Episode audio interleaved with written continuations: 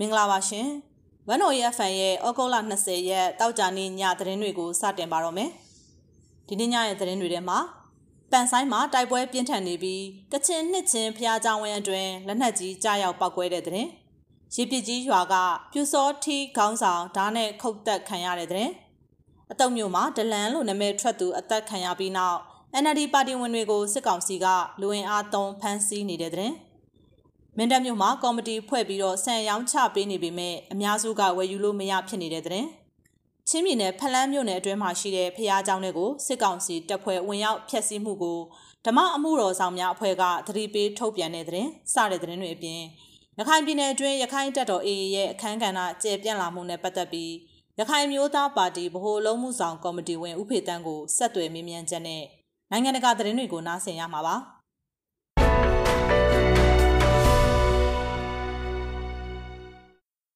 ရှမ်းပြည်နယ်မြောက်ပိုင်းကျူကုတ်ပန်ဆိုင်မြို့မှာ KIA MMDA ပူးပေါင်းအဖွဲ့နဲ့စစ်ကောင်စီတပ်တွေဟာဒီနေ့နေ့လယ်ပိုင်းမှာတိုက်ပွဲတွေပြင်းထန်နေခဲ့ပြီးကချင်နှစ်ချင်းခရီးရန်ကျောင်းဝဲအတွင်းကိုလက်နက်ကြီးကြားရောက်ပောက်ကွဲမှုတွေရှိခဲ့တယ်လို့ဒေသခံတွေကသတင်းပေးပို့ထားပါတယ်။ကျူကုတ်ပန်ဆိုင်မြို့မြင်တန်တောင်ကျောမှာတိုက်ပွဲဖြစ်ပွားနေပြီးဒေသခံတွေဟာဘေးလွတ်ရာကိုတိမ်းရှောင်နေကြရပါတယ်။ရက်သားထိခိုက်တဲ့တော့မကြားရသေးပါဘူး။အရင်ရက်ကတိုက်ပွဲတွေကြောင့်အရက်သားတွေပြေးနေရတယ်။အခုလည်းပြေးနေရတယ်။ စစ်တပ်ဖက်ကလက်နက်ကြီးတွေနဲ့ရန်တမ်းပစ်နေတယ်လို့ဒေသခံတအူးကပြောပါတယ်။ KIA နဲ့ MMDA ပူးပေါင်းအဖွဲ့တွေနဲ့စစ်ကောင်စီတပ်တွေဟာကျူကုတ်ပန်ဆိုင်မြို့မှာဩဂုတ်လ6ရက်နေ့ကစပြီးတိုက်ပွဲတွေဖြစ်ပွားနေကရတအူးရီတထောင်ကျော်ဟာနေဆက်တလျှောက်ဘေးလွတ်ရာမှာခိုလုံနေကြရပါတယ်။ KIA တပ်မဟာ6နဲ့ MMDA ပူးပေါင်းဖွဲ့တွေဟာစစ်ကောင်စီတပ်တွေကိုတိုက်ခိုက်နေတာဖြစ်ပြီးဒီနေ့ညနေ3နာရီချိန်ထိပြစ်ခတ်တံတွေကြားနေရတယ်လို့ဒေသခံတွေကဆိုပါတယ်။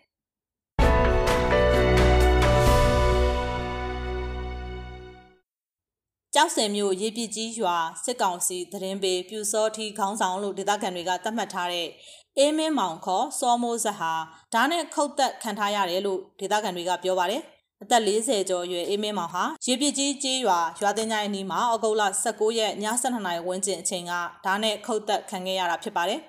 သူကပြူစောထီကျေးရွာခေါင်းဆောင်ပြအနီးနားကျေးရွာကလူတွေကိုစစ်ကောင်စီကစစ်တင်နန်းပို့ချနေတာကိုဥဆောင်ပေးနေတာ မြို့ပေါ်မှာလည်းသူသတင်းပေးလို့အဖမ်းခံရသူတွေများတယ်လို့ဒေသခံတွေကဆိုပါတယ်။တေဆုံးလူအေးမင်းမောင်ဟာကျန်းဖက်စစ်ကောင်စီပေးရထားတဲ့တနက်အတူကိုင်းဆောင်သူဖြစ်တယ်လို့ဒေသခံတွေကပြောပါတယ်။လက်ရှိမှာရွာနီးနားပတ်ဝန်းကျင်မှာအာနာသိန်းစစ်ကောင်စီတပ်ဖွဲ့ဝင်တွေကစုံစမ်းစစ်ဆေးနေရတွေရှိတယ်လို့သိရပါတယ်။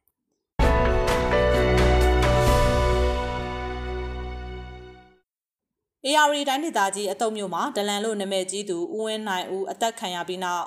စစ်ကောင်စီက NLD ပါတီရက်ကြီးတာဝန်ခံတွေရဲ့နေအိမ်တွေကို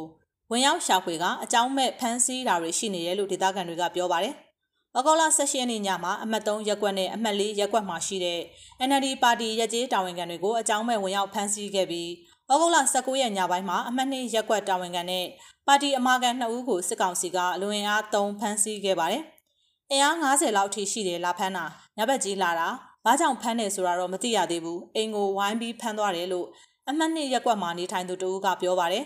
အတုံမျိုးမှာဒလန်လို့နာမည်ကြီးနေတဲ့ဦးဝင်းနိုင်ဦးကိုအမည်မသိလူနှစ်ဦးက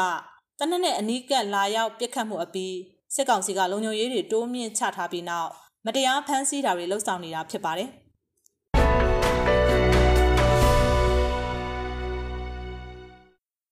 ချင်းပြည်နယ်မင်းတပ်မြို့မှာဩဂုတ်လ20ရက်နေ့ကစတင်ပြီးမြို့မဈေးရှိမှာစံတအိတ်ကို3000ကျပ်နဲ့ရောင်းချပေးမယ်လို့ဆိုပေမဲ့အများစုက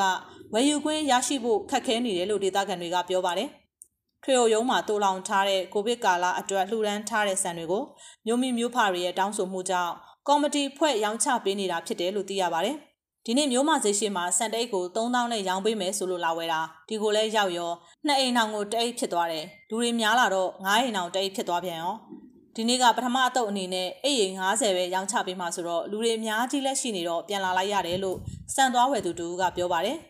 ဘဝတိရက်ွက်ထဲမှာစံတိတ်ကို3000ခွဲနဲ့လိုချင်သူတွေကြိုတင်စင်းပေးသွင်းရမယ်ဆိုပြီးလူဦးရေကန့်သက်ချက်နဲ့စင်းကောက်ခံနေတယ်လို့လည်းသိရပါတယ်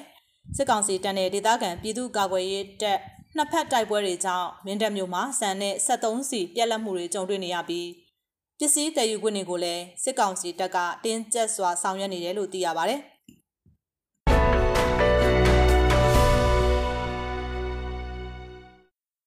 ချင်းပြည်နယ်ဖလန်းမြို့အတွင်းရှိတီးကျေးရွာကဖျားကျောင်းကိုစစ်ကောင်စီတပ်တွေဝင်ရောက်ဖျက်ဆီးမှုနဲ့ပတ်သက်ပြီးဩဂုတ်လ19ရက်နေ့မှာခရီးရန်ဂိုင်းမောင်းစုံဓမ္မအမှုတော်ဆောင်များဖွဲ့ကသဘောထားထုတ်ပြန်ချက်တစ်စောင်နဲ့သတိပေးထုတ်ပြန်ပါတယ်။ဥပမာပြသူတို့ရှာကျင်တဲ့ရန်သူတွေခိုးအောင်နေတဲ့ထင်လို့ဝင်ရှာတာဆိုရင်ဖြစ်တဲ့နယ်လို့ယူဆတယ်။ဒါပေမဲ့ဖျားကျောင်းဗိမ္မာန်တော်ထဲမှာဆလိတောက်တယ်၊ညားရတယ်၊အရက်သေးတာတောက်စားတယ်။အမှိုက်အညစ်အကြေးတွေကိုစွန့်တယ်။အဲ့ဒါကြတော့ဘာသာရေးစော်ကားတာပဲ ကျွန်တော်တို့အစည်းအဝေးမှာတော့အားလုံးကပြင်းပြင်းထန်ထန်သဘောထားထုတ်ပြန်ချက်ထုတ်ချင်ခဲ့တာအခြေအနေအရရကြောင့်မဖြစ်တဲ့ပြဿနာထပ်မဖြစ်အောင်လို့အပြော့ပြောင်းဆုံးနည်းနဲ့ဒီသဘောထားထုတ်ပြန်ချက်ကိုထုတ်ပြန်တာဖြစ်ပါတယ်လို့ဖလန်ခရီယန်ဂိုင်းပေါင်းဆောင်ဓမ္မအမှုတော်ဆောင်များကော်မတီအဖွဲ့ဝင်တို့ကပြောပါတယ်။ဖျားเจ้าအတွင်ရှိခရီယန်ဘာသာဝင်တွေ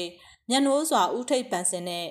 ဖျားသခင်ရဲ့နှုတ်ကပတ်တော်တမန်ကျမ်းစာအုပ်တွေနဲ့ဖျားဂုံတော်ချီးမွမ်းရာမှာအသုံးပြုတဲ့တခြင်းစာအုပ်တွေကို ရိုင်းဆိုင်စွာစော်ကားဆွန့်ပစ်ခြင်းတွေပြုလုပ်ခဲ့ပြီးအဲ့ဒီပြုမှုဟာရွေချက်ရှိရှိပြုလုပ်တဲ့လုပ်ရက်တွေဖြစ်နေကြောင်း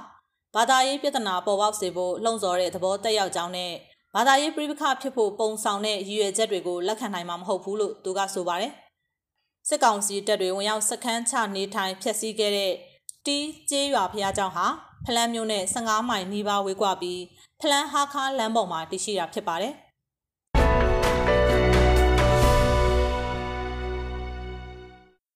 ရခိုင်ပြည်နယ်အတွင်းရခိုင်တပ်တော် AA ရဲ့အခမ်းကဏ္ဍကျေပြန့်လာမှုနဲ့ပတ်သက်ပြီးတော့ရခိုင်မျိုးသားပါတီဗဟိုလုံးမှုဆောင်ကော်မတီဝင်ဥဖေတန်းကိုဆက်သွယ်မေးမြန်းထားတာနားဆင်ပါရှင်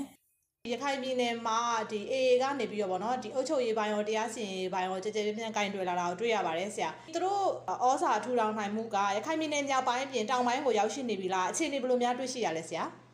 အဲတောင်ပိုင်းမှာနေအဲမြောက်ပိုင်းမှာနေတောင်ပိုင်းစီတူပေါ့နော်သူတို့ဒီ အဲဒါထိုးပေါက်စီယုံလာတာရှိခုဆိုတော့တောင်ပိုင်းဒီသူတို့ရဲ့ဩဇာတက်ရောက်မှုကတော့ရှိတာပေါ့နော်ဒါပေမဲ့အုပ်ချုပ်ရေးတရားစီရင်ရေးတော့ကတော့တောင်ပိုင်းอืมတန်တွေတို့ကွာတို့အဲ့ဖက်တီတော့သူတို့လက်လက်မမီသေးဘူးပေါ့နော်ဒါပေမဲ့သူတို့အဲ့ဒီရဲ့သူတို့ရဲ့အချိန်ကသူတို့ရဲ့ဩဇာကတော့ရှိနေပါတယ်ဟုတ်ကဲ့ ဒီသူတို့ကအုပ်ချုပ်ရေးပိုင်းကိုဘာကြောင့်မို့လို့ပေါ့နော်ဒီကင်တွယ်လာနိုင်တယ်လို့ဆရာအနေနဲ့မြင်ပါလဲရှင်အခုချိန်မှာကဒီစစ်ကောင်စီကလည်းအုပ်ချုပ်ရေးရန်နေရမှာရောဘယ်လိုအခြေအနေတွေရှိနေလဲရှင်အဲသူတို့ကကင်တွယ်လာတဲ့အကြောင်းရင်းကတော့သူတို့ကစီးကိုချိန်ညှင်လာတယ်အချိန်မြင့်လာတော့စီးနဲ့ပူရှိုရီတို့တရားစီရင်ဆိုတာကတော့နောက်ထပ်ကပ်ပါလာတာပေါ့ဘာလို့လဲဆိုတော့နေမီတည်ငြိမ်ဖို့ရယ်တရားဥပဒေစိုးမိုးဖို့ရယ် အဲအဲ့ဒါကသူတို့ကဟိုတစ်ဖက်ကအဒီစစ်ကောင်စီကလက်လန်းမမီတဲ့အခါမှာအသူတို့ရဲ့ပခုံးပေါ်ကိုကြာကြာလာတာပေါ့နော်အဲ့တာဝန်တွေကပူရှိုရီတာဝန်အာဒါဒါတရားစီရင်တာဝန်တွေကသူတို့ကမကင်တွယ်လို့ကိုမရနိုင်တဲ့အခြေအနေမျိုးရောက်လာတယ်။ဘာလို့ဆိုတော့ဟောဒီသူတို့မြို့ပေါ်အုပ်ချုပ်ရေးတွေကတဲကိုလက်လှမ်းမမီတော့ဘူး။ဟိုသူတို့နယ်ကိုလည်းဩဇာတက်အောင်မရှိတော့ဘူး။ဆိုတော့ ဒီပေါ်မှာကွက်လက်ကိုဖြစ်ရတဲ့အနေနဲ့အဲသူတို့ပြည်သူရဲ့တာဝန်တရားကိုသူတို့နော်ပြည်သူကလိုအပ်နေတဲ့ပြည်သူတာဝန်တရားကိုသူတို့ထမ်းဆောင်လိုက်တယ်လို့ဟိုပြောလို့ရတာပေါ့။ဒါတစ်ဖက်မှာစစ်ကောင်စီရဲ့အဲအုပ်ချုပ်ရေးပိုင်းကတော့မြို့ပေါ်မှာတောင်မှသိပြီးတော့ဟိုမသေးရှာတော့ဘူးပေါ့နော်မြို့မှာတောင်သူတို့ထင်တိုင်းသူတို့ဟိုသူတို့လိုချင်တဲ့ပုံစံမျိုးပုံဖော်လို့မရတော့ဘူးပေါ့အော်အကုန်လုံးကဒီဘက်မှာ ပို့ပြီးတော့စစ်စစ်ဒီဒီစစ်ကောင်စီတက်ပေါ့နော်အော် UL ရဲ့ဩဇာတရားမှုကိုကြီးနေတဲ့အခါမှာသူတို့ဘက်ကအလုံးမဖြစ်တော့ဘူးပေါ့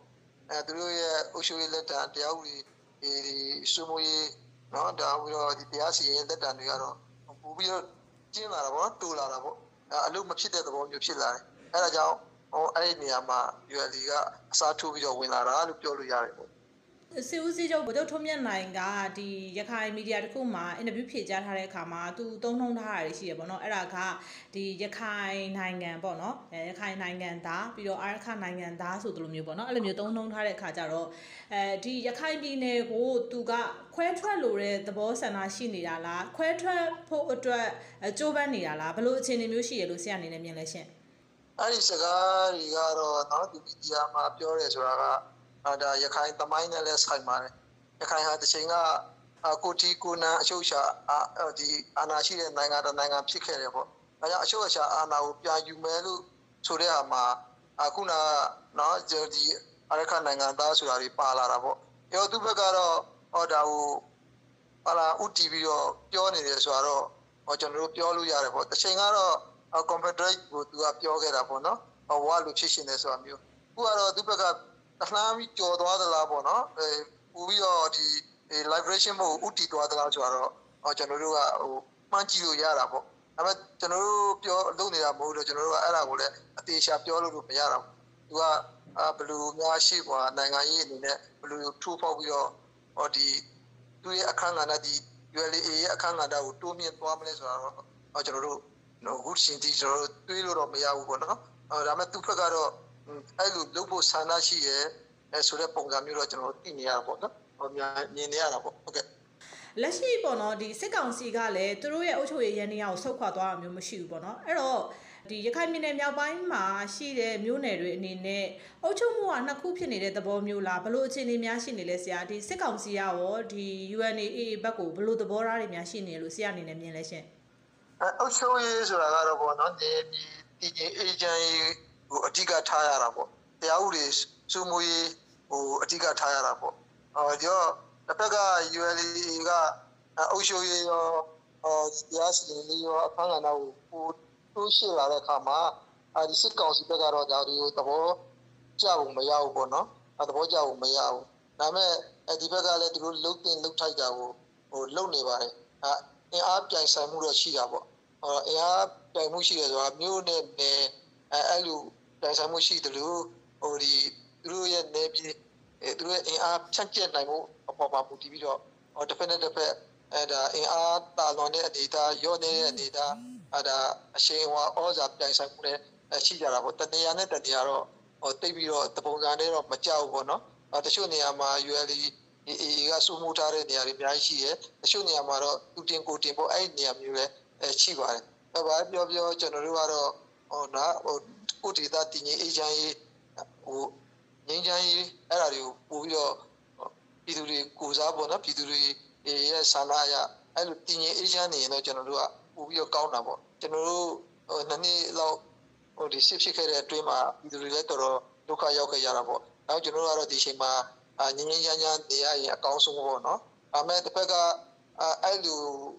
လှုပ်ဆောင်ချက်ကိုတစ်ဖက်ကမနစ်သက်ဘူးဆိုရင်တော့ဒါတွေကစစ်ပွဲတွေ ပြန်ဖြစ်လာနိုင်တာပေါ့အဲ့လိုစစ်ပွဲတွေပြန်ဖြစ်လာမယ်ဆိုရင်တော့လူစုတွေလည်းပို့ပြီးတော့ဒုက္ခရောက်မယ်လို့မြင်ပါတယ်ဟုတ်ကဲ့ဟုတ်ကဲ့ဆရာ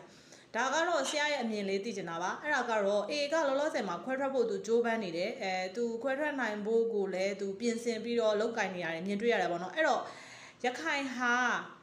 တကယ်ပဲခွဲထွက်နိုင်မဲ့အလားအလာရှိနေလားဆရာအဲ့ဒီပုံမှာဆရာအနေနဲ့ဘယ်လိုမြင်လဲရှင်ကျွန်တော်တို့ကတော့လေဟိုအချိန်ကလည်းအကူမင်းကိုရှင်နဲ့နေခဲ့တဲ့ အတိုင်းပြည်တပြီပေါ့ဒါပေမဲ့ဒါမဲ့ဒီဒီပရိသတ်ပြည်ရင်ဒီအာနာလူတဲ့အခါမှာတော့ဟောဒါရခိုင်ပြည်နယ်ကလည်းရခိုင်ပြည်ကလည်းပဲရခိုင်ပြည်နယ်ဆိုပြီးတော့ဟောဒီပြည်ထောင်စုတစ်ခုထဲကိုရောက်သွားတာပေါ့ဒါပေမဲ့ပြည်ထောင်စုကလည်းပြည်ထောင်စုအစ်စ်မှာမဟုတ်ဘူးတန်းလူကြီးများမရှိဘူးနော်ဟိုကျွန်တော်တို့ကိုယ်ပိုင်ပြဋ္ဌာန်းခွင့်ကိုယ်ပိုင်အုပ်ချုပ်ခွင့်ဆိုတာအခုမှပဲအတန်ကြားလာရတာကိုကျမကိုဖန်တီးခွင့်ကိုတော့လူမျိုးတိုင်းလူချင်တာပေါ့အဲ့ဒါကိုမတိရှင်အောင်ဆောင်ပြီးတော့ဟောဒီ ဖြစ်ဆက်ဆက်အုပ်ချုပ်သူတွေကအမျက်ကိုပြုပြီးတော့ဟာလာသူတို့ဒေတာဖွံ့ဖြိုးရေးတွေကိုပေါ့နော်ဟောတနည်းအားဖြင့်ဒီပမာအင်ပါယာထဲမှာပါခဲ့တဲ့အဲတိုင်းရင်းသားဒေသတွေကိုပေါ့ဥပိ္ပခာပြုတ်ခဲ့ကြတယ်ဒါကြောင့်လည်းပဲတိုင်းသားတွေရင်ထဲမှာဒါခုမင်းကိုရှင်ကိုလွတ်လပ်ရေးနဲ့ကိုနေမှပဲငါတို့ပါအခွင့်ရတော့မယ်ဒီတလမ်းပဲရွေးရရှိရဲ့အနာပါတီဘက်ကလည်းပဲလွတ်တော်တွေကိုရောက်အောင်ပို့နိုင်ခဲ့ပေမဲ့ လွတ်တော်ထဲမှာလည်းဘာမှမရခဲ့ဘူးအပယ်ရှာပဲခံခဲ့ရတယ်ဒီခံစားချက်တွေတအားများလာတဲ့အခါမှာအဲဒီလိုပေါ့နော်အရင်ကတပိုင်းကိုပြန်တန်းတက်ပြီးတော့အဲ့ဒီဘက်ကိုပြန်ပွားခြင်းတဲ့ဆန္ဒကရခိုင်ပြည်သူရခိုင်နှုံးပြီးလို့ပြောလို့ရအောင်ဒီဆန္ဒရှိပါတယ်အဲဆိုတော့အဲ့ဒါကလည်းအဲကျွန်တော်တို့ဘက်ကအာ not ULA နဲ့တိုက်ပွဲပြင်းထန်လာမဲ့အကြောင်းရင်းတစ်ခုလည်းဖြစ်ပါတယ်ပြီးတော့ကိုယ်ပိုင်ကိုယ်ပိုင်ရပ်တည်နိုင်မလားဆိုတဲ့ကိစ္စကတော့ဟောကျွန်တော်တို့ဒီစီတစ်ခုလည်းမဟုတ်ပါဘူး နော်စီတခုလည်းမဟုတ်ပါဘူးပန်ကင်းတမန်ကင်းပေါ့နိုင်ငံကထောက်ခံမှုတွေလည်းအများကြီးလိုတယ်အဲဆိုတော့ကျွန်တော်တို့ကရှုံပြီးတော့ပြောရရင်တော့အဲ့ဒါကျွန်တော်တို့ဆန္ဒအတိုင်းဖြစ်ပေါ်လာနိုင်ဖို့ကကျွန်တော်တို့အခက်အခဲတွေကိုအများကြီးရင်ဆိုင်ရအောင်မယ်ကြော်လွှားရအောင်မယ်ဒါမှဒါကအဆုံးပိတ်နော်နောက်ဆုံးပိတ်ရွေးချယ်စရာမရှိတော့ဘူးဆိုရင်တော့အဲ့ဒီလမ်းကိုရောက်ကောင်းရောက်သွားနိုင်ပါတယ်အဲကျွန်တော်တို့ကတော့ဘာပြောပြောပြည်သူတယောက်နေတော့ငင်းငင်းရှားရှားနဲ့ပဲအဲကျွန်တော်တို့ဒီနယ် အဲကျွန်တော်တို့တိုင်းပြည်ကိုတိုးတက်စေရှိပါတယ်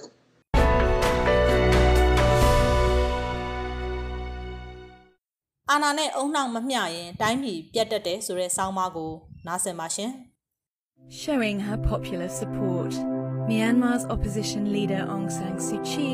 is taking on the powerful military as she sets her sights on being president. A petition to scrap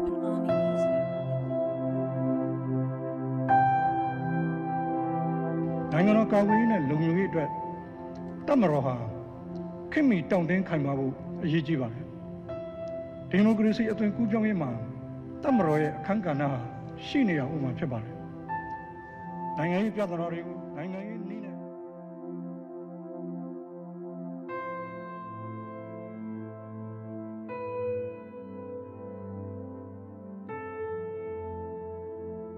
အာနာပါဝါဆိုတာဟာကင်တွယ်လို့ရတဲ့အရာမဟုတ်ပေမဲ့အစွမ်းတက်တိရှိတာကြောင့်လူတိုင်းနှိပါမမောတဲ့အရာဖြစ်ပါတယ်။ဒါကြောင့်လဲအာနာကိုမမောသူတွေများပြားပြီးအိန္ဒြိယယမမောသူနဲ့ငန်းငန်းတက်မမောသူဆိုပြီးအမျိုးမျိုးကွဲပြားကုန်တာဖြစ်ပါတယ်။အာနာကိုငန်းငန်းတက်လိုချင်သူတွေဟာအာနာကိုဘယ်နည်းနဲ့ရရရယူဖို့ကြိုးပမ်းလှုပ်ဆောင်လေးရှိတာကြောင့်အာနာရှင်စနစ်ဆိုတာပေါ်လာသလိုအာနာရှင်တွေလည်းရှိလာခဲ့ပါတယ်။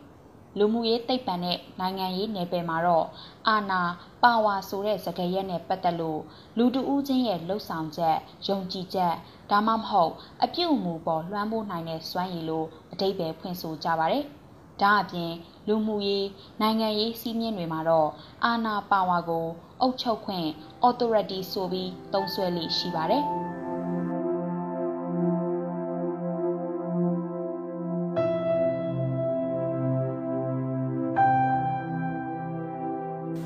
နိုင်ငံရဲ့မူလပိုင်ရှင်ဟာပြည်သူတွေဖြစ်တယ်လို့နိုင်ငံရေးနယ်ပယ်တွေကလူတွေကဆိုလေးရှိပါတယ်။မှန်ပါတယ်။ဒါပေမဲ့တမိုင်းတလျှောက်ကြည့်မယ်ဆိုရင်အာနာဟာနိုင်ငံရေးသမားတွေကိုပိုင်ဥစ္စာကိုပိုင်ပစ္စည်းတစ်ဖွဲ့ဖြစ်နေခဲ့ပါတယ်။ဗရေတရက်ဘရင်စနစ်မှာဘရင်ဟာနိုင်ငံရဲ့အာဏာပိုင်ဆိုးသူအဖြစ်သတ်မှတ်ခဲ့ပါတယ်။ အင်္ဂလိပ်တို့ကမြမပြည်ရဲ့ဘရင်စနစ်ကိုဇက်သိမ်းပေးပြီးနောက်မှာလဲ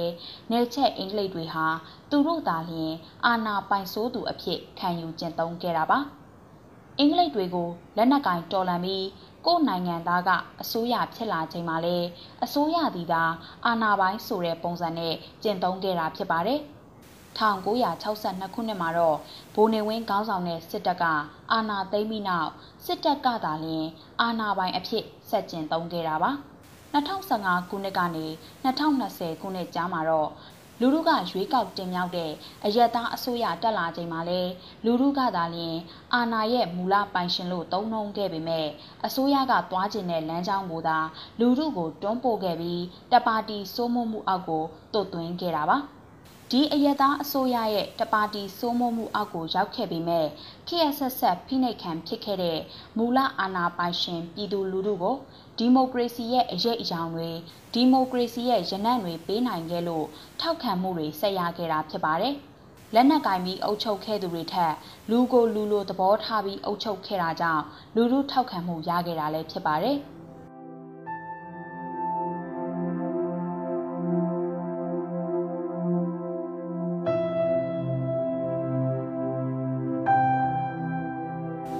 မြန်မာနိုင်ငံဟာ1948ခုနှစ်မှာအင်္ဂလိပ်လက်အောက်ကလွတ်မြောက်ခဲ့ပါတယ်။အဲဒီနောက်1962ခုနှစ်မှာစစ်အုပ်စုကအာဏာသိမ်းလိုက်ပြီးနိုင်ငံအုပ်ချုပ်ခွင့်အာဏာပါဝါဟာ2010ခုနှစ်အထိစစ်အုပ်စုပိုင်းလိုဖြစ်ခဲ့ပါတယ်။စစ်အုပ်စုဟာနိုင်ငံအာဏာပါဝါဟာတနတ်ပြောင်းကလာတဲ့ဆိုတဲ့အကြမ်းဖက်ဝါဒပုံစံအတိုင်းတနတ်မိုးအုပ်ချုပ်ခဲ့တယ်လို့နိုင်ငံမူလအာဏာရှင်ပြည်သူတွေကိုလည်းနှီးပေါင်းစုံနဲ့ဖိနှိပ်ခဲ့ပါတယ်။စစ်အုပ်စုဟာ နိုင်ငံကိုဖိနှိပ်အုပ်ချုပ်စင်မှာလူယူထားတဲ့အာဏာနဲ့စီမံခန့်ခွဲနိုင်တဲ့အုံနောက်မမျှတတာကြောင့်နိုင်ငံဟာကမ္ဘာဆန်အိုးကြီးအဖြစ်ကနေအစင်းရဲဆုံးနိုင်ငံကိုတက်ဆင်းခဲ့ရပါတယ်။အုံနောက်မရှိသူတို့ထုံးစံအတိုင်းနိုင်ငံဖွံ့ဖြိုးရေးကိုမလှုပ်ဆောင်တတ်တဲ့အခါရှိသမျှတယံဇာတထုတ်ရောင်းရောင်းရသမျှမိသားစုပိုင်းလုပ်ပြီးစစ်အုပ်စုထိပ်ပိုင်းခေါင်းဆောင်တွေဟာကြီးပွားတစ်ထက်ကြီးပွားလာခဲ့ပါတယ်။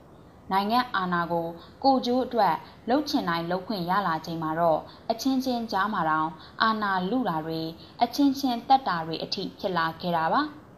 မအောင်မြင်ခဲ့တဲ့ဗိုလ်ကြီးအုံကျော်မြင့်အာဏာသိမ်းမှုတကြက်ခွဲလို့သတ်မှတ်ခံရတဲ့ထောက်လန်းရေးအကြီးအကဲဗိုလ်ချုပ်တင်ဦးမျက်မှန်တင်ဦးအဖြုတ်ခံရမှုဘာကပတွေနဲ့ဖြစ်ပွားတဲ့ကွမ်လုံတိုက်ပွဲကို ဥဆောင်အနိုင်တိုက်ပြခဲ့ပြီးမဆာလာစနစ်ကိုစန့်ကျင်လို့နိုင်ငံရေးအရာချောင်းထိုးခံရတဲ့ဗိုလ်ချုပ်ထွန်းရီဖြစ်စဉ်အချင်းချင်းအာဏာပြိုင်မှုနဲ့လှုပ်ကြံခံရတဲ့အတွင်ရမှုနဲ့ဗိုလ်ချုပ်တင်ဦးဖြစ်စဉ်ကျမ်းမာရေးမကောင်းလို့တာဝန်မှအနားယူခွင့်ပြုလိုက်သည်ဆိုတဲ့စာတစောင်းနဲ့ထောင်ဒဏ်44နှစ်အပြစ်ပေးခံရတဲ့ထောက်လန်းရေးအကြီးအကဲဘိုခင်ညွန့်ဖြစ်စဉ် 2015ခုနှစ်ဩဂုတ်လကနေပြည်တော်မှာဖြစ်ခဲ့တဲ့စစ်တပ်အသွင်ပြောင်းကြန့်ခိုင်ရေးပါတီဥက္ကဋ္ဌအဖြစ်ဖေရှားခံရပြီးတကောင်ရန်အာဏာသိမ်းပွဲလို့နာမည်တွင်ခဲ့တဲ့သူရဦးရွှေမန်းဖြစ်စဉ်တွေဒါရီဟာအာနာကိုကိုပိုင်ပစ္စည်းလိုသဘောထားပြီးထင်ရဆိုင်ခဲ့တဲ့စစ်အုပ်စုကြားတွေကအချင်းချင်းဖြစ်ခဲ့တဲ့ဖြစ်စဉ်တွေပါနိုင်ငံတော်အာဏာဟာစစ်တပ်စီကလာတာလို့သဘောထားပြီး ဒီအာဏာရဲ့ကြီးမားတဲ့စွမ်းရည်ကိုတက်မှတ်သူတွေအကြားဖြစ်ခဲ့တဲ့ဖြစ်ရပ်တွေပါဒီအာဏာငန်းဖတ်မှုကပဲစစ်အုပ်စုခေါင်းဆောင်တွေကိုအသိစိတ်ပျောက်စေခဲ့တာဖြစ်ပါတယ်အာဏာသိမ်းမှုကိုစခဲ့တဲ့ဘူနေဝင်းဟာ အာနာစွန့်ရကန်ဒီမှာတွေ့ယူတွေ့ရတဲ့လူလူကိုဓာဓာချင်းလှန်လှန်ချင်းလိုစိန်ခေါ်ခဲ့တယ်လို့သူ့နေရာကိုဆက်ခံခဲ့တဲ့ဘူစောမောင်ဟာလည်းသူ့ကိုယ်သူကြံစစ်သားဖြစ်ကြောင်းဆိုတာမျိုးကိုနိုင်ငံမှာရုပ်တံတွေကတဆင့်မိကွန်းပြောတဲ့အခါထည့်ပြောတာတွေအထိပြုလုပ်ခဲ့တာမျိုးရှိခဲ့ပါတယ်။ဒါဟာအုံနောက်နဲ့မတရားရယူထားတဲ့အာနာပါဝါမမျှတမှုကြောင့်ဖြစ်လာတဲ့နောက်ဆက်တွဲအကျိုးဆက်တွေဖြစ်ပါတယ်။ ဆူဘူးလုံးလို့ရှိရင်တော့စစ်တပ်ဆိုတာပြည့်ရင်မှန်အောင်ပြစ်တယ်ဘောဘောထောင်ပြီး6ထာမပါဘူး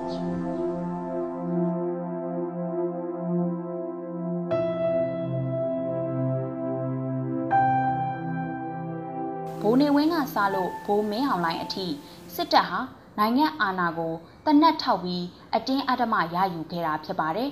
1962ကနေ2021ခုနှစ်အတွင်းမှာ2015ကနေ2020ခုနှစ်အထိပဲ9နှစ်တာအယက်သားအစိုးရလက်ထဲကို နိုင်ငံအာဏာခိတ္တခဏရောက်ပြီး2021မှာတော့စစ်တပ်ကအာဏာပြန်သိမ်းထားတာဖြစ်ပါတယ်။စစ်တပ်ဟာအမျိုးသားရေးခေါင်းစဉ်တက်ပြီးနိုင်ငံရဲ့အရေးပါတဲ့ကဏ္ဍမှာအမြဲရှိရေးနဲ့စစ်အုပ်စုတပ်ဆိုးရှေ့ရေးကိုသာအဓိကထားသူတွေဖြစ်ပါတယ်။စစ်တပ်အာဏာမြဲရေးအတွက်ဆိုရင် ပြည်သူဘယ်နှယောက်တက်ရမလဲတက်တယ်ဘယ်နှယောက်ကိုထောင်ထဲပို့ရမလဲပို့တယ်နိုင်ငံအာဏာပိုင်ပြည်သူတွေဘလောက်ဒုက္ခရောက်ရောက်ငါဖို့ငါမိသားစုအတွက်ငါဆွေမျိုးအတွက်သာကြည်ပြီးအာဏာကိုလူယူသုံးဆွဲခဲ့တာဟာစစ်အုပ်စုရဲ့ဂျိုးကတ်နေတဲ့အကျင့်ဆိုးဖြစ်ပါတယ်အာဏာနဲ့ပတ်သက်လာရင်ရဲဘော်ရဲဘက်ချင်းလုံပေါ်ကိုင်ဘက်ချင်းတောင်မတက်ညာပဲအသေးသက်လှုပ်ကြံတတ်တဲ့စစ်အုပ်စုဟာတိုင်းပြည်ရဲ့မူလအာဏာရှင်ပြည်သူကိုရိုက်ဖို့နှက်ဖို့တပ်ဖို့ဖြတ်ဖို့ဝင်မလေးတဲ့သူတွေဖြစ်ပါတယ်။သူတို့ကိုမောင်းနေနေတာဟာအာနာငန်းဖတ်မှုသာဖြစ်ပြီးအာနာရဲ့ကြီးမားတဲ့စွမ်းရည်ကို ထိမ့်ကွနိုင်တဲ့ထိမ့်ချုပ်နိုင်တဲ့အသိဉာဏ်အုံနောက်မရှိသူတွေဖြစ်ပါတယ်။ကိုထက်အာနာကြီးတဲ့သူကခိုင်းရင်ဘာပဲခိုင်းခိုင်းလို့ ကိုထက်အာနာငယ်တဲ့သူကို ခိုင်းချင်ရခိုင်းကွာငါတို့အာနာဟာငါတို့အတွက်ငါမိသားစုအတွက်ငါဆွေမျိုးအတွက်ဆိုတဲ့အကျင့်ဆိုးစနစ်ဆိုးကစစ်အုပ်စုထဲမှာအမြင့်ခိုင်ခိုင်နဲ့တွေ့နေပြီးဖြစ်ပါတယ်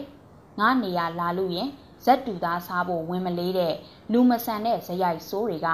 အာနာယူအကျန်းဖက်စေအုပ်စုမှာမွေးကလေးကပါလာပြီးဖြောင့်မရတဲ့တရေလိုဖြစ်နေပါတယ်။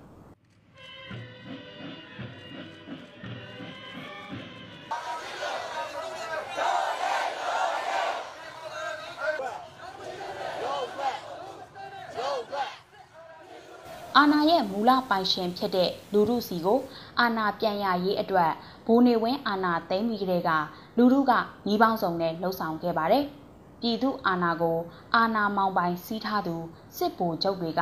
တလက်ကနေတလက်ပြောင်းပြီးရယူနေတာကို အဆုံးသတ်ဖို့လူရုလှုပ်ရှားမှုတွေပြုလုပ်ခဲ့ကြပါတယ်။သမရစနစ်ဆိုရှယ်လစ်စနစ်ကွန်မြူနစ်စနစ် စသဖြင့်စနစ်ပေါင်းစုံနဲ့လဲလူမှုအာဏာလူမှုလက်ထဲရောက်ဖို့စ조사မှုတွေရှိခဲ့တာပါဒါပေမဲ့ဒီနေ့အချိန်အထိမအောင်မြင်သေးတာဟာဘာကြောင့်လဲဆိုတာစဉ်းစားသုံးသပ်ကြဖို့လိုအပ်လာပါပြီ။ဒသနာပညာရှင်နဲ့တင်ချပညာရှင်ဘာထရန်ရီဆဲကတော့လူမှုအာဏာလူမှုစီပြန်ရောက်ပြီးလူမှုကထိန်းချုပ်ထားနိုင်ဖို့အတွက်ဒီမိုကရေစီစနစ်သားလျင်ဖြစ်တယ်လို့ဆိုထားပါတယ်။ အာဏာရဲ့ကြီးမားတဲ့စွမ်းရည်ကိုထိန်းချုပ်နိုင်ဖို့တဦးတယောက်တစုတစ်ဖွဲ့က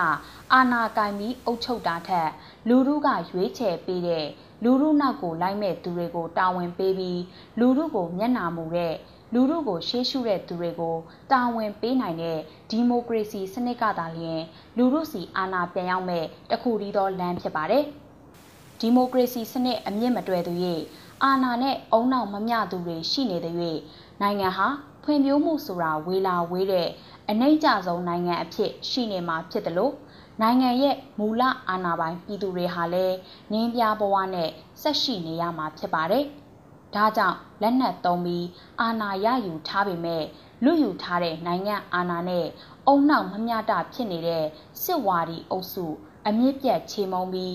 အာဏာရှင်မဲ့သောဒီမိုကရေစီစနစ်အမြန်ဆုံးတည်ဆောက်ဖို့ အချိန်မဆိုင်ပဲလုပ်ကြဖို့တိုက်တွန်းလိုက်ရပါတယ်။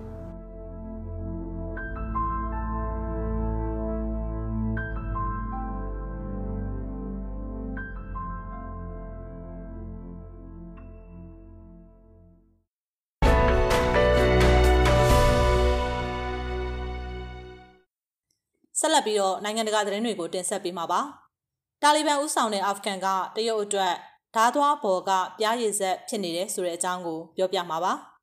အာဖဂန်နစ္စတန်ကအမေရိကန်တပ်တွေရုပ်သိမ်းလိုက်ချိန်မှာတာလီဘန်တွေရဲ့မရက်မနာထိုးစစ်ဆင်လာမှုကတရုတ်အတွက်အကောင်းဆုံးရောပြောတဲ့မဟာဗျူဟာမြောက်တကားတစ်ချက်ကိုဖွင့်လှစ်ပေးလိုက်ပါတယ်။အထူးသဖြင့်၎င်းရဲ့နယ်နိမိတ်ထိစပ်ရာနိုင်ငံများအတွင်းအာဏာလက်ဟာမှုကိုမနှိမ့်ညွတ်နိုင်တဲ့တရုတ်ဟာအနောက်ဘက်အိန္ဒိယနိုင်ငံအတွင်းဆယ်စုနှစ်နဲ့ချီတဲ့စစ်ပွဲများအပြီးမှာတည်ငြိမ်မှုကိုတိစောက်နိုင်ရေးကဘေကျင်းအတွက်အဓိကအလေးထားရမယ့်အရေးဖြစ်လာပါတယ်။တာလီဘန်တွေလွှမ်းမိုးတဲ့အစိုးရနဲ့ပြည်လည်မှုမရခဲ့ဘူးဆိုရင် တရုတ်ရဲ့ရှင်ဂျီယန်ဒေသကမွတ်စလင်ခွဲထွက်ရေးသမားတွေကိုပံ့ပိုးပေးလာနိုင်တဲ့အရေးကတရုတ်အတွက်ရတက်မအေးစရာကိစ္စဖြစ်ပါတယ်။ဘေကျင်းကကွန်မြူနစ်ခေါင်းဆောင်တွေနဲ့အခြေခံဝါဒီတာလီဘန်တွေရဲ့ကြားမှာတူညီတဲ့အတွေးခေါ်ဆိုင်ရာဘုံသဘောတဘာဝမရှိနိုင်ပေမဲ့လက်တွေ့ကြကြမျှဝေမှုကနေအပြန်အလှန်အကျိုးစီးပွားအတွက်အကဲဆက်တဲ့မတူညီမှုတွေကိုဖွက်ဖဲဖြစ်ထားပြီးပူးပေါင်းနိုင်ခြေရှိတယ်လို့သုံးသပ်ကြပါတယ်။အာဖဂန်နစ္စတန်ဟာတရုတ်နဲ့86ကီလိုမီတာလောက်ပဲနယ်နိမိတ်ထိစပ်နေပြီး လမ်းပန်းမပေါက်တဲ့တောင်ကပယံဒေသဖြစ်ပေမဲ့ရှင်ကြီးယန်ဒေသနဲ့ထိစပ်နေတာကိုကကြီးမားတဲ့စိုးရိမ်မှုရှိစေခဲ့တာဖြစ်ပါတယ်။အဆိုပါအကဲဆက်တဲ့ဒေသကဝီဂါခွဲထွက်ရေးသမားတွေအတွက်ကြောတောင်နောက်ခံပြုပေးမဲ့အရေးအတွက်ဘေကျင်းက၎င်းရဲ့အိန္ဒိယနိုင်ငံကိုကြောက်ရွံ့နေခဲ့ပါတယ်။ဒါအပြင်တရုတ်အနေနဲ့ကပူးနဲ့တည်ငြိမ်တဲ့ပူးပေါင်းဆောင်ရွက်မှုတိစောက်နိုင်ခဲ့ရင်အာဖဂန်နဲ့အာရှဗဟိုနိုင်ငံတွေကိုဖျက်ဆီးဖောက်လုပ်မဲ့ပိုးလမ်းမစီမံကိန်းအတွက်အဆင်ပြေချောမွေစေမှာဖြစ်ပါတယ်။တာလီဘန်တွေကတော့လက်တလုံးမှာတိုက်ရိုက်ဖြစ်စေပါကစ္စတန်ကတဆင့်ဖြစ်စေယင်းနှီးမြုပ်နှံမှုနဲ့စီးပွားရေးအထောက်အပံ့အတွက်ထည့်သွင်းစဉ်းစားမှာဖြစ်ပါတယ်။တာလီဘန်ပြောခွင့်ရပုဂ္ဂိုလ်ဆူဟိုင်ရှီဟီက AFP ကိုပြောပြရမှာတကမ္ဘာလုံးကနိုင်ငံတွေနဲ့ ကောင်းမွန်တဲ့ဆက်ဆံရေးတိစောက်လိုပါတယ်လို့ဆိုပါတယ်ကျွန်တော်တို့ရဲ့သဘောထားအမှန်ကိုစူးစမ်းကျင်တဲ့ဘယ်နိုင်ငံကိုမဆိုဖိတ်ခေါ်ပါတယ်ယင်းနှိမ့်မြုံနယ်မှုတွေလုပ်ဖို့အခွင့်အလမ်းကောင်းတွေပေးအပ်သွားမှာပါလို့သူကဆိုပါတယ်ကျွန်တော်ထင်ပါတယ်အာဖဂန်ရဲ့ပြည်တွင်းရေးအခြေအနေကလိုင်းထန်လေးထန်မတည်ငြိမ်ဖြစ်ခဲ့ရင်တရုတ်မှမဟုတ်ဘူးဘယ်နိုင်ငံနဲ့မဆိုမိမိနေဆက်လုံခြုံရေးကိုအားကောင်းအောင်လှုပ်ဆောင်ပါလိမ့်မယ်နောက်တစ်ခုကတာလီဘန်တွေအနေနဲ့အပေးယူတစ်ခုမြန်မြန်ရဖို့အချင်းတို့အတွင်းလှုပ်ဆောင်နိုင်ခဲ့ပြီးတည်တည်ငြိမ်ငြိမ်ဥဆောင်နိုင်ခဲ့မယ်ဆိုရင် တရုတ်နဲ့အာဖဂန်ဟာဘုံအကျိုးအမြတ်အတွက်ချစ်ကြည်ရင်းနှီးမှုတိစောက်နိုင်ပါလိမ့်မယ်အဲ့ဒါဆိုနေဆက်အရေးကလည်းအန်ဒီယန်ဇုံတစ်ခုဖြစ်လာဖို့မရှိတော့ဘူးပေါ့လို့ရှန်ဟိုင်းနိုင်ငံတကာတက္ကသိုလ်အရှိအလဲပိုင်းလေ့လာရေး Institute ကပါမောက္ခဖန်အွန်ဒါကဆိုပါတယ်တာလီဘန်ရဲ့ဥဆောင်မှုအောက်မှာအာဖဂန်ကအမေရိကန်လိုလားတဲ့အစိုးရဖြစ်ဖို့မလွယ်ပါဘူးဒီရှူတောင်းကကြည့်ရင်တရုတ်အတွက်အကျိုးရှိပါတယ်ဒါပေမဲ့တရုတ်စိုးရိမ်ရမှာကတာလီဘန်တွေဟာနိုင်ငံကိုတည်ငြိမ်အေးချမ်းအောင်ဥဆောင်နိုင်ပါမလားဆိုတာပါပဲအဲ့ဒီလိုမှမဟုတ်ဘူးဆိုရင်တော့တိုင်းပြည်ကမငြိမ်မသက်နဲ့ အစွန်းရောက်တွေကြီးစိုးရာဒေသတခုဖြစ်လာမှာပါလို့သူကဆိုပါတယ်။ One OFN ရဲ့ဒီနေ့ညသတင်းတွေကတော့ဒီလောက်ပါပဲ။